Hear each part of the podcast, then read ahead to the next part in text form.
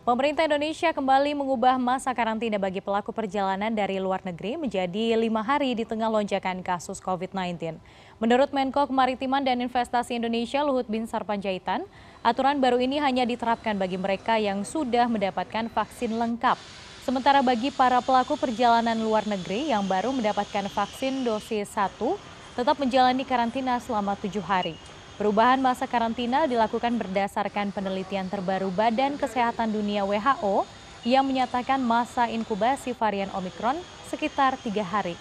Hingga kini pemerintah menyatakan masih melakukan pengetatan di seluruh pintu masuk kedatangan dari luar negeri. Upaya ini dianggap yang paling baik dalam mengurangi sebaran kasus importasi Omikron di Indonesia. Kami juga mendapatkan data bahwa pengetatan pintu masuk berhasil menahan laju masuknya Omikron ke Indonesia.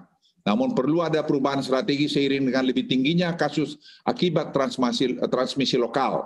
Untuk itu pemerintah mengubah aturan karantina tujuh hari menjadi lima hari.